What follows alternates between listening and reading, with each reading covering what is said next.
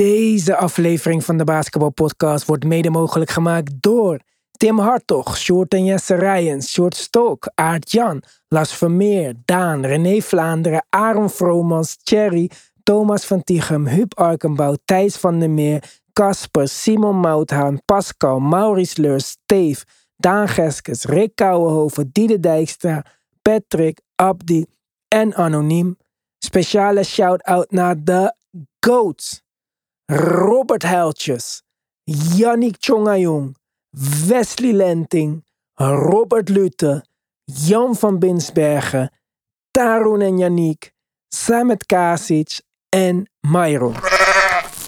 Wij zijn er op YouTube, wij zijn er op Apple Podcasts, we zijn er op Spotify, wij zijn overal.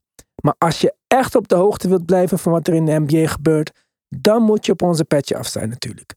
Met een petje af abonnement krijg je toegang tot de groupchat en al onze extra podcasts. We hebben vier pakketten, Rookie, Starter, All-Star en Go, dus je kan kiezen wat het beste bij jou past. Om een abonnement te nemen op ons petje af, ga je naar petjeaf.com slash de basketbalpodcast. Als je ons alleen wilt steunen, kun je ook een donatie maken, zoveel als je wilt. Daar help je ons ook ontzettend mee. Ga daarvoor ook naar onze petje af petjeaf.com slash de basketbalpodcast. Of je kunt de link vinden op de basketbalpodcast.nl door te kiezen op luister op petje af. Alle support wordt gewaardeerd. Let's go.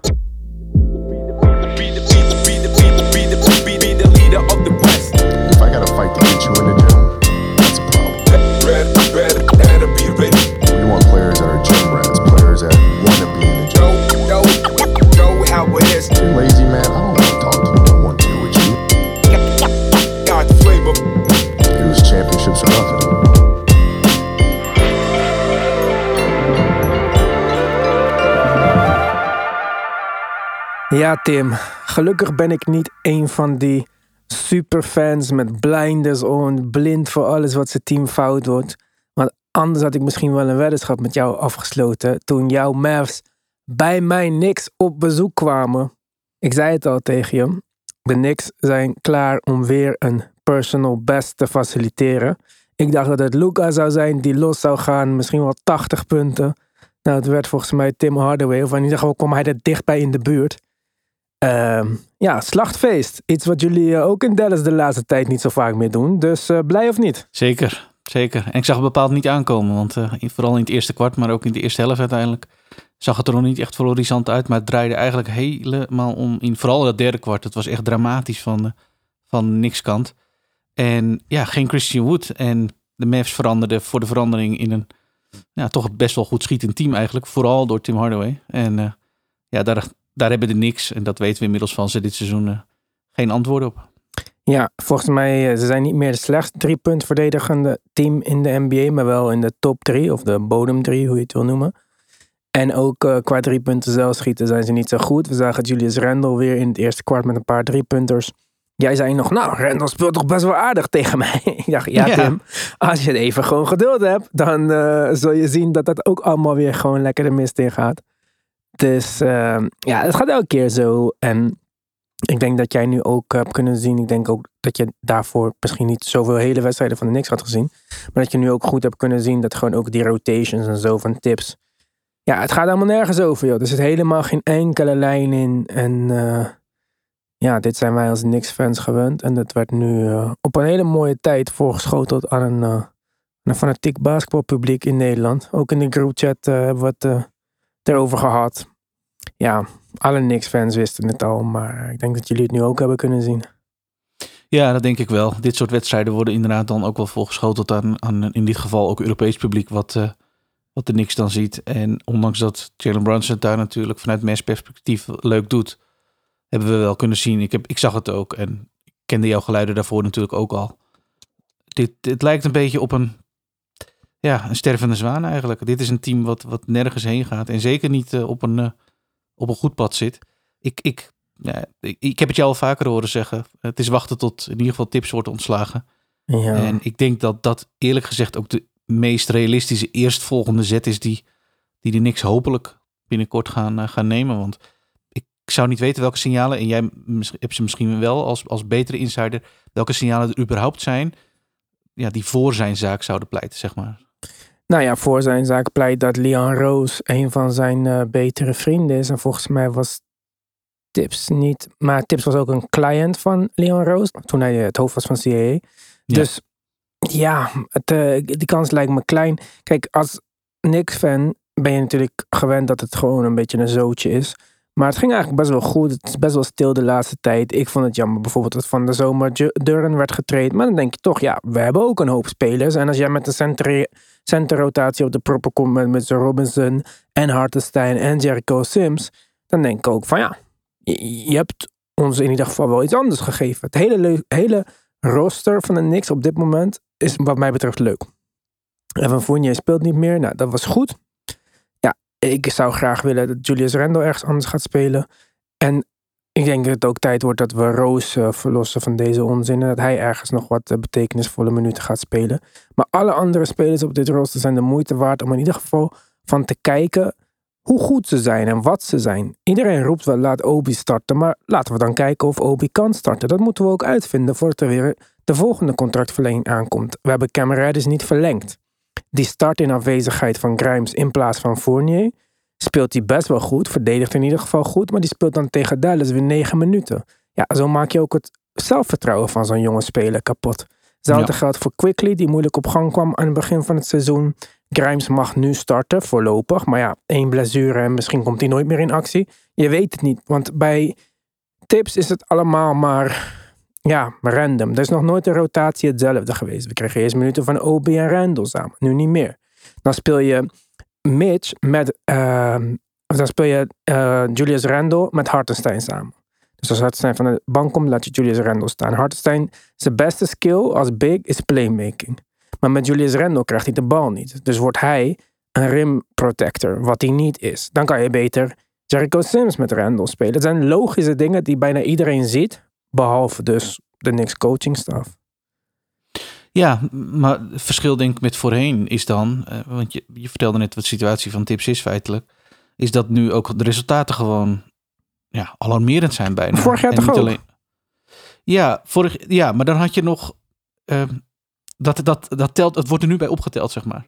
Kijk, dat je één jaar een, ja, wat zal het zijn, een soort negatieve bounceback jaren uh, had van een ja, overpresterend jaar daarvoor natuurlijk.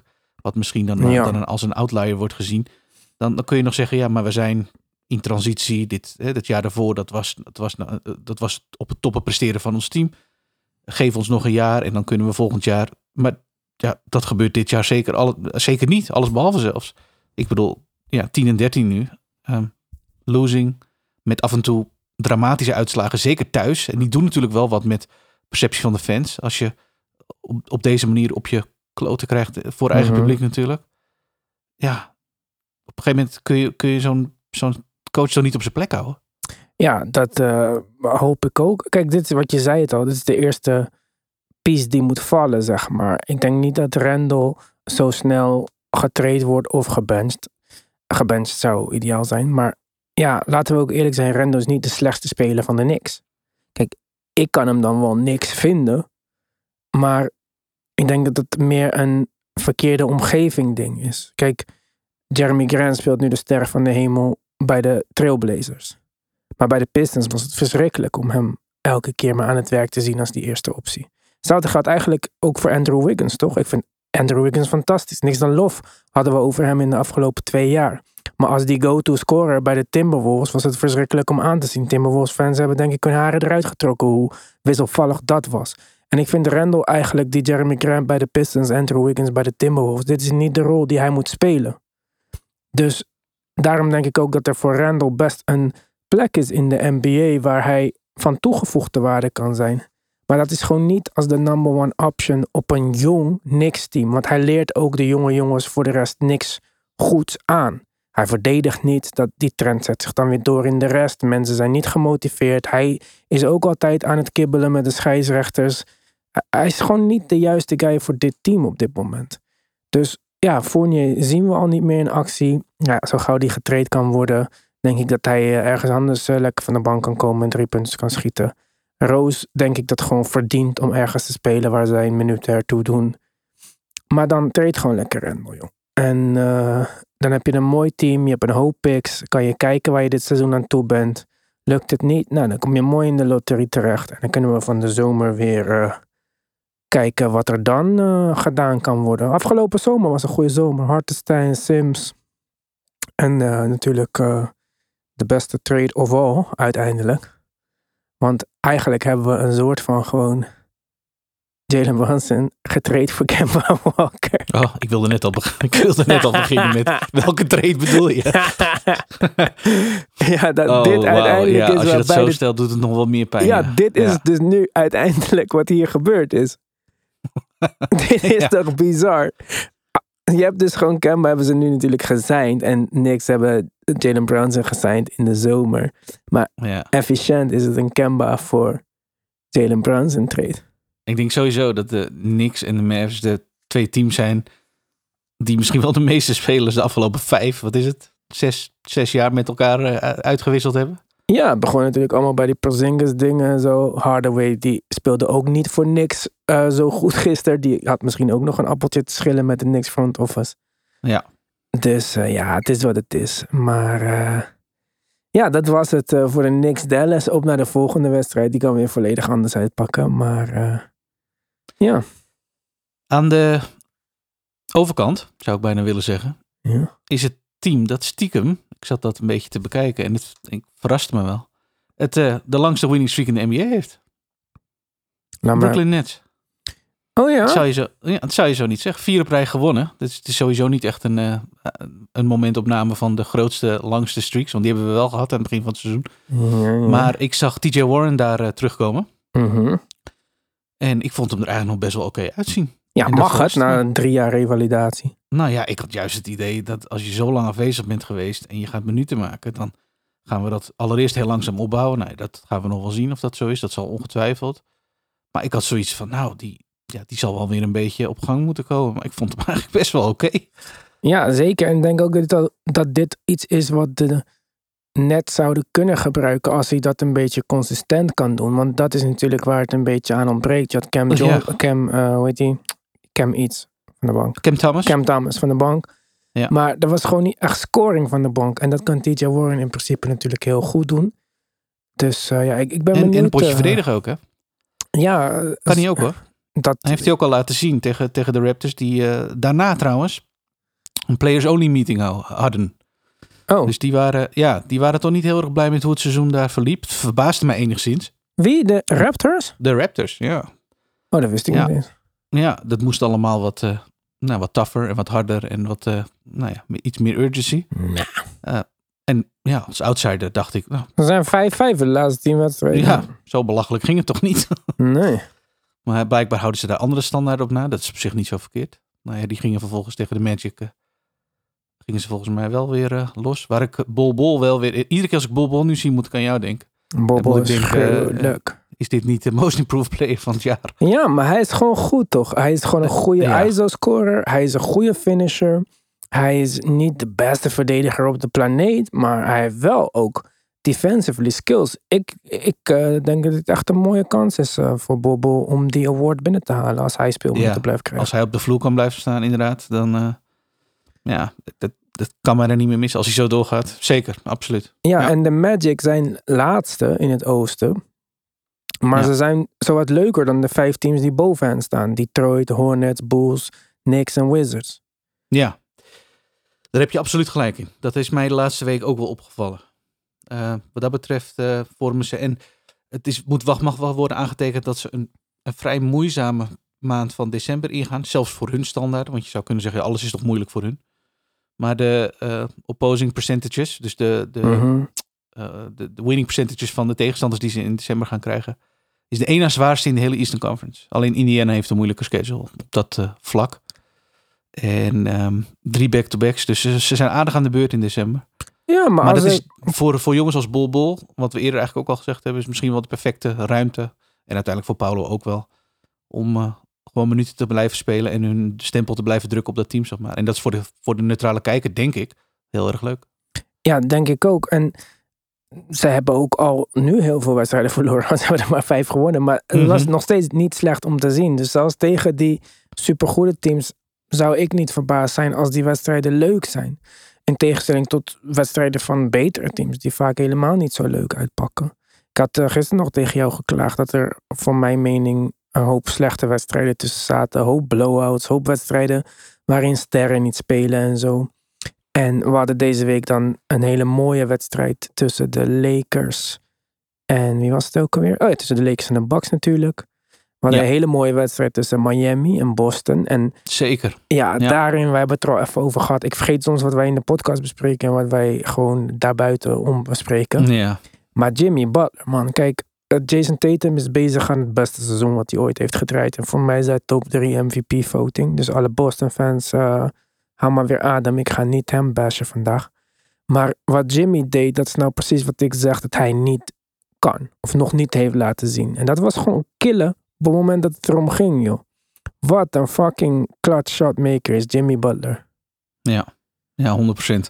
Hij leeft als geen ander. En we- zeggen het vaak als een, eh, als een kwaliteit van spelers die simpelweg niet door heel veel spelers in de NBA eh, zich eigen is gemaakt. Hij heeft dat 100% wel. Het lijkt wel alsof je Jimmy kan noteren voor een, een, een goede performance op het moment dat het ertoe doet. Want voor de Heat deed het er wel toe. Dit is een big time game. Sowieso Boston natuurlijk. Helemaal eh, na vorig seizoen. Maar ook gewoon gegeven de situatie die, die de Heat op dat moment ook hadden. Want het seizoen was nog niet bepaald een succes. Het is daar erg moeizaam. Veel spelers afwezig, in en out of de line-ups. Dus het is een beetje roeien met de riemen die ze hebben bij tijd en wijle. Hoewel de laatste paar wedstrijden alweer wat beter gaan. Want ze krijgen de meeste jongens terug. En dan komt hij op deze manier in zo'n wedstrijd uitverkochte TD Garden. Ja, hij leeft hiervoor. Hij leeft hier gewoon voor. Ja, dat vind ik ook leuk om te zien. Wat ik wel dacht tijdens die wedstrijd over Miami eh, Heat roster. Want Tyler Hero startte en die was ook ja, best wel goed deze wedstrijd natuurlijk. Ja. Dat is een van die spelers die van de zomer een verlenging heeft gekregen. En naar mijn mening nog niet helemaal heeft waargemaakt. En zo'n andere speler is bijvoorbeeld Jordan Poole. Ja, Ehm, hij heeft dit seizoen 15 wedstrijden gespeeld, 15 gestart. Hij scoort minder dan vorig jaar. Maar zijn shot percentages zijn oké. Zijn drie punten valt iets minder. Maar het is gewoon een beetje te veel, denk ik, voor wat hij is. En toen dacht ik, hé, volgens mij zijn de Heat het meest overbetaalde roster in de NBA. Bijna alle spelers die ze hebben, krijgen eigenlijk voor je gevoel tussen de 5 en 10 miljoen te veel betaald. Laat me je even meenemen op deze reis. Kijk, Jimmy Butler, ja, daar kunnen we gewoon weinig over zeggen, vind ik. Want ja, hij krijgt 45 miljoen, maar als ik, de laatste, als ik een laatste schot moet laten nemen door iemand, dan staat hij hoog op dat lijstje in de NBA. Maar bam, kijk, goede speler toch? Eh, vindt zichzelf beter verdedigen dan dat hij is. Ehm offensively misschien niet gegroeid zoals we hadden gehoopt. Maar 32,6 miljoen is gewoon te veel voor zo'n speler. Toch?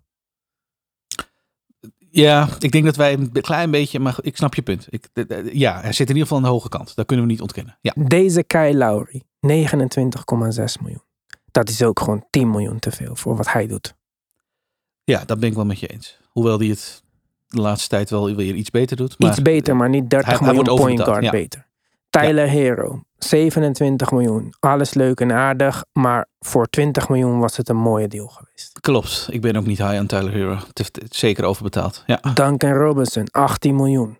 Dat was Ja. voor 9 miljoen een prima shooter geweest. ja.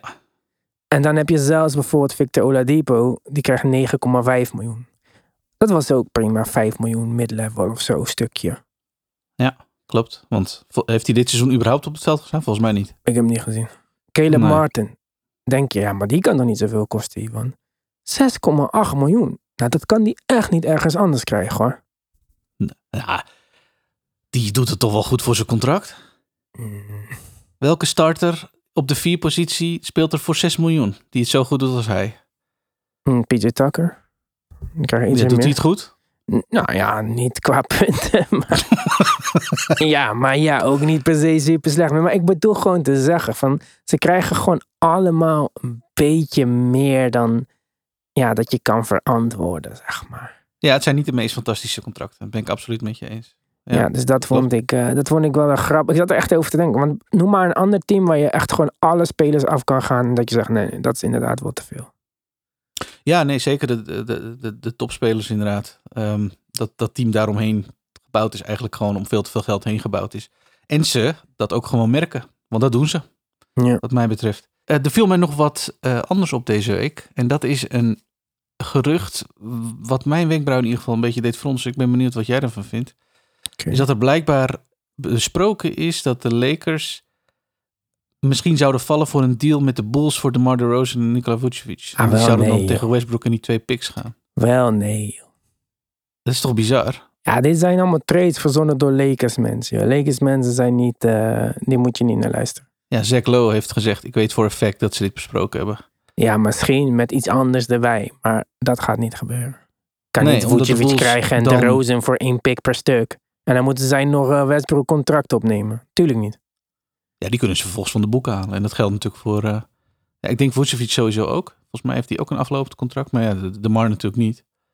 En ze krijgen er twee picks bij. Maar waarom zou Maar dat zou betekenen dat de? Bulls eh, een soort van weer, zich weer een beetje gaan uitkleden. Ja, maar dan wat gaan ze doen? Nu tanken of zo? Nou ja, ik, daarom. Nee. Zij zijn, ze zijn toch niet in die mode? Ze hebben er net afscheid van genomen, notabene. Misschien kan je Vucevic krijgen voor, eh, voor Westbrook en twee picks. En dan met iets van filler of zo. Maar niet Vuce Ja. en de Rosen. Nee, dat is ook wel, vond ik ook wel een beetje veel. En Vuce mag ook weg. Ik denk dat hij ook niet echt eh, bij Chicago nu meer past. Nee, hè? Nee. Wel een beetje uit de gratie geraakt, denk ik daar, ja. Ja, slechte trade achteraf gezien. Want Heeft Orlando die gewonnen? Ja, Wendell Carter. Ja, ja. Dat alleen is al voor mij. eh, maar ja, ik ben ook e- wel echt misschien de meest Wendell Carter fan die er bestaat, zeg maar. Ja, Nee, maar Vuce past gewoon niet echt in dit eh, team, denk ik. En er wordt sowieso raar gedaan, vind ik ook bij ehm, de Bulls. Want Kobe White en Patrick Williams, beide volgens mij, zijn up voor een verlenging. Als ik me niet vergis. ja, ik denk dat je daar gelijk in hebt. Ja, en die krijgen amper speeltijd. Joh. Patrick Williams heb ik helemaal niet in actie gezien bijna. En dat is toch... Oh, Patrick Williams. Ja, ja, ja. Ja, tenminste, ik denk- wel ja, in actie ja, ja. gezien. Maar ik bedoel, die moet gewoon meer gefeatured worden. Dit is, was een hele hoge pick. Ik weet niet meer wat het was. Top 5 volgens nummer mij. vier volgens mij. Ja.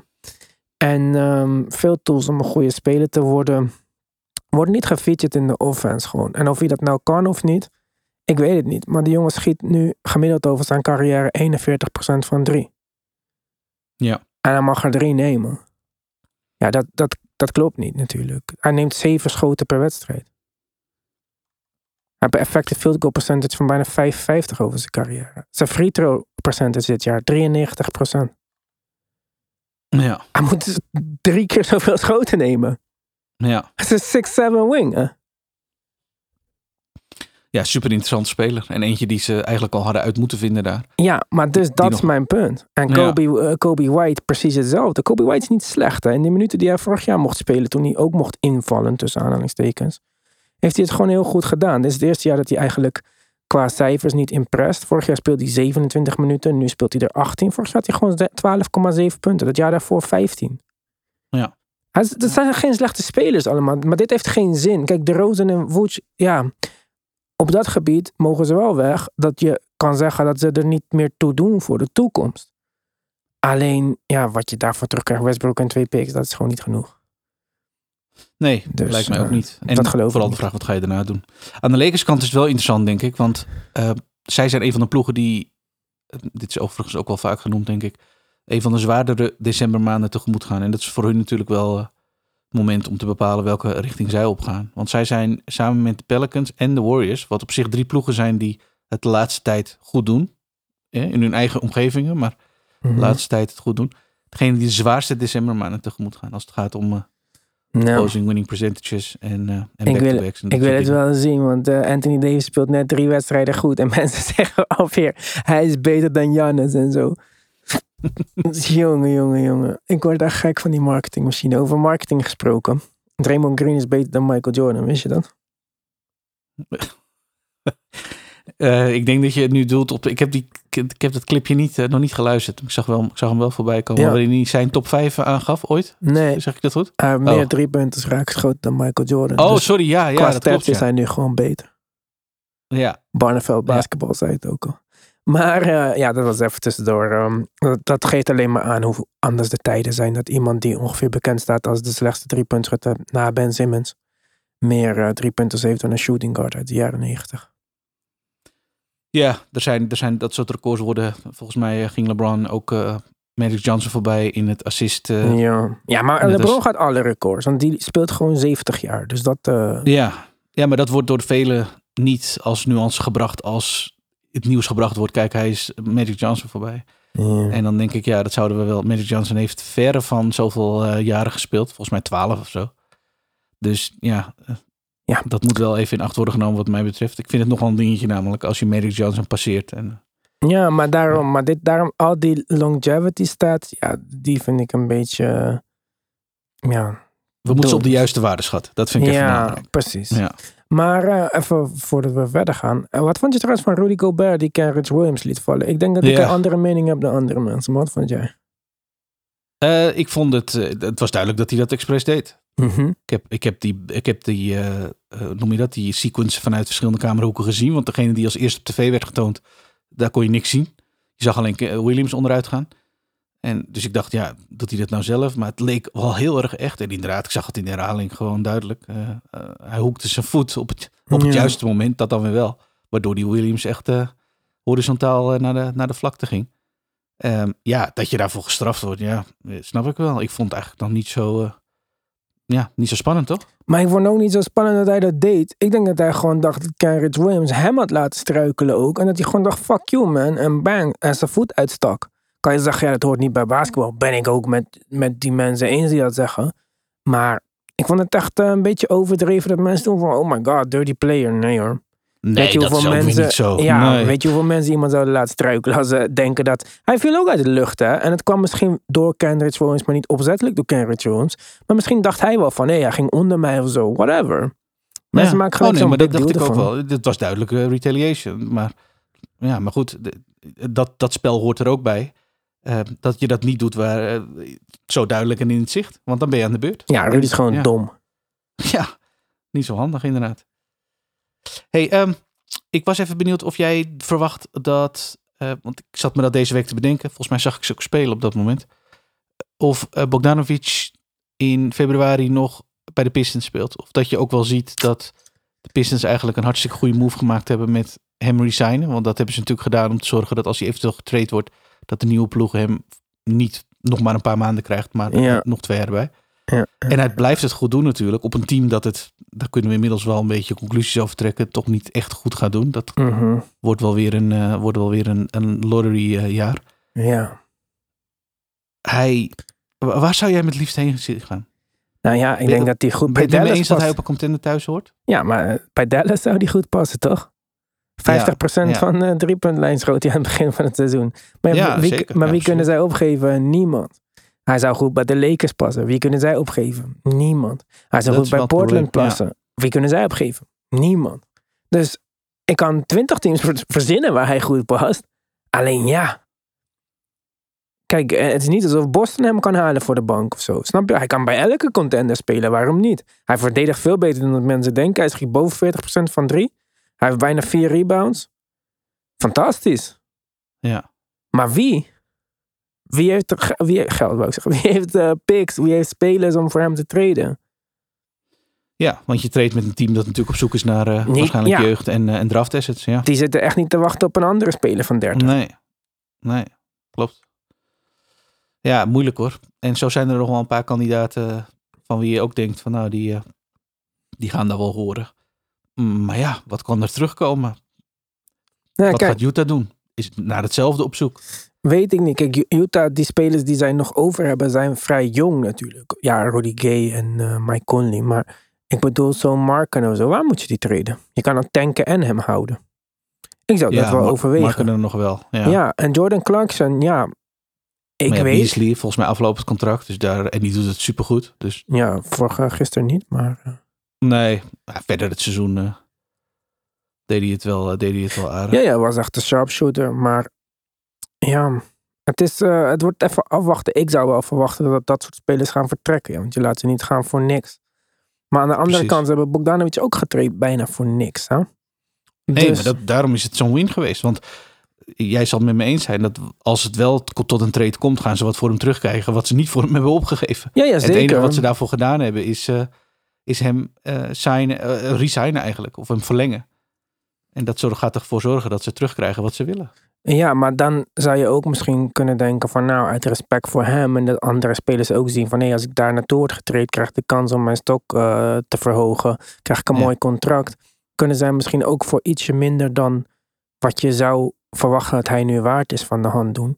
Stel je voor dat bijvoorbeeld de Raptors komen met een pick of zo. Of een beetje een protected pick. Nou, misschien moeten ze dat dan gewoon doen. Raptors zouden zo Bogdanovic echt goed kunnen gebruiken. Ja, ja. een extra shooter erbij. Ze hebben, kunnen alle spacing gebruiken met al deze guys die naar binnen willen. Ja, dat is wel waar. Maar er zijn zoveel teams. Ja, als Boston hem kon krijgen, ja, zou fantastisch zijn natuurlijk. Maar ze hebben alleen een eh, player exception of een trade exception van 8 miljoen of zo. Of een injured player eh, exception. Ja. Ja, zoveel teams. Ik kan echt eh, alle teams gewoon. Cleveland, ja, allemaal.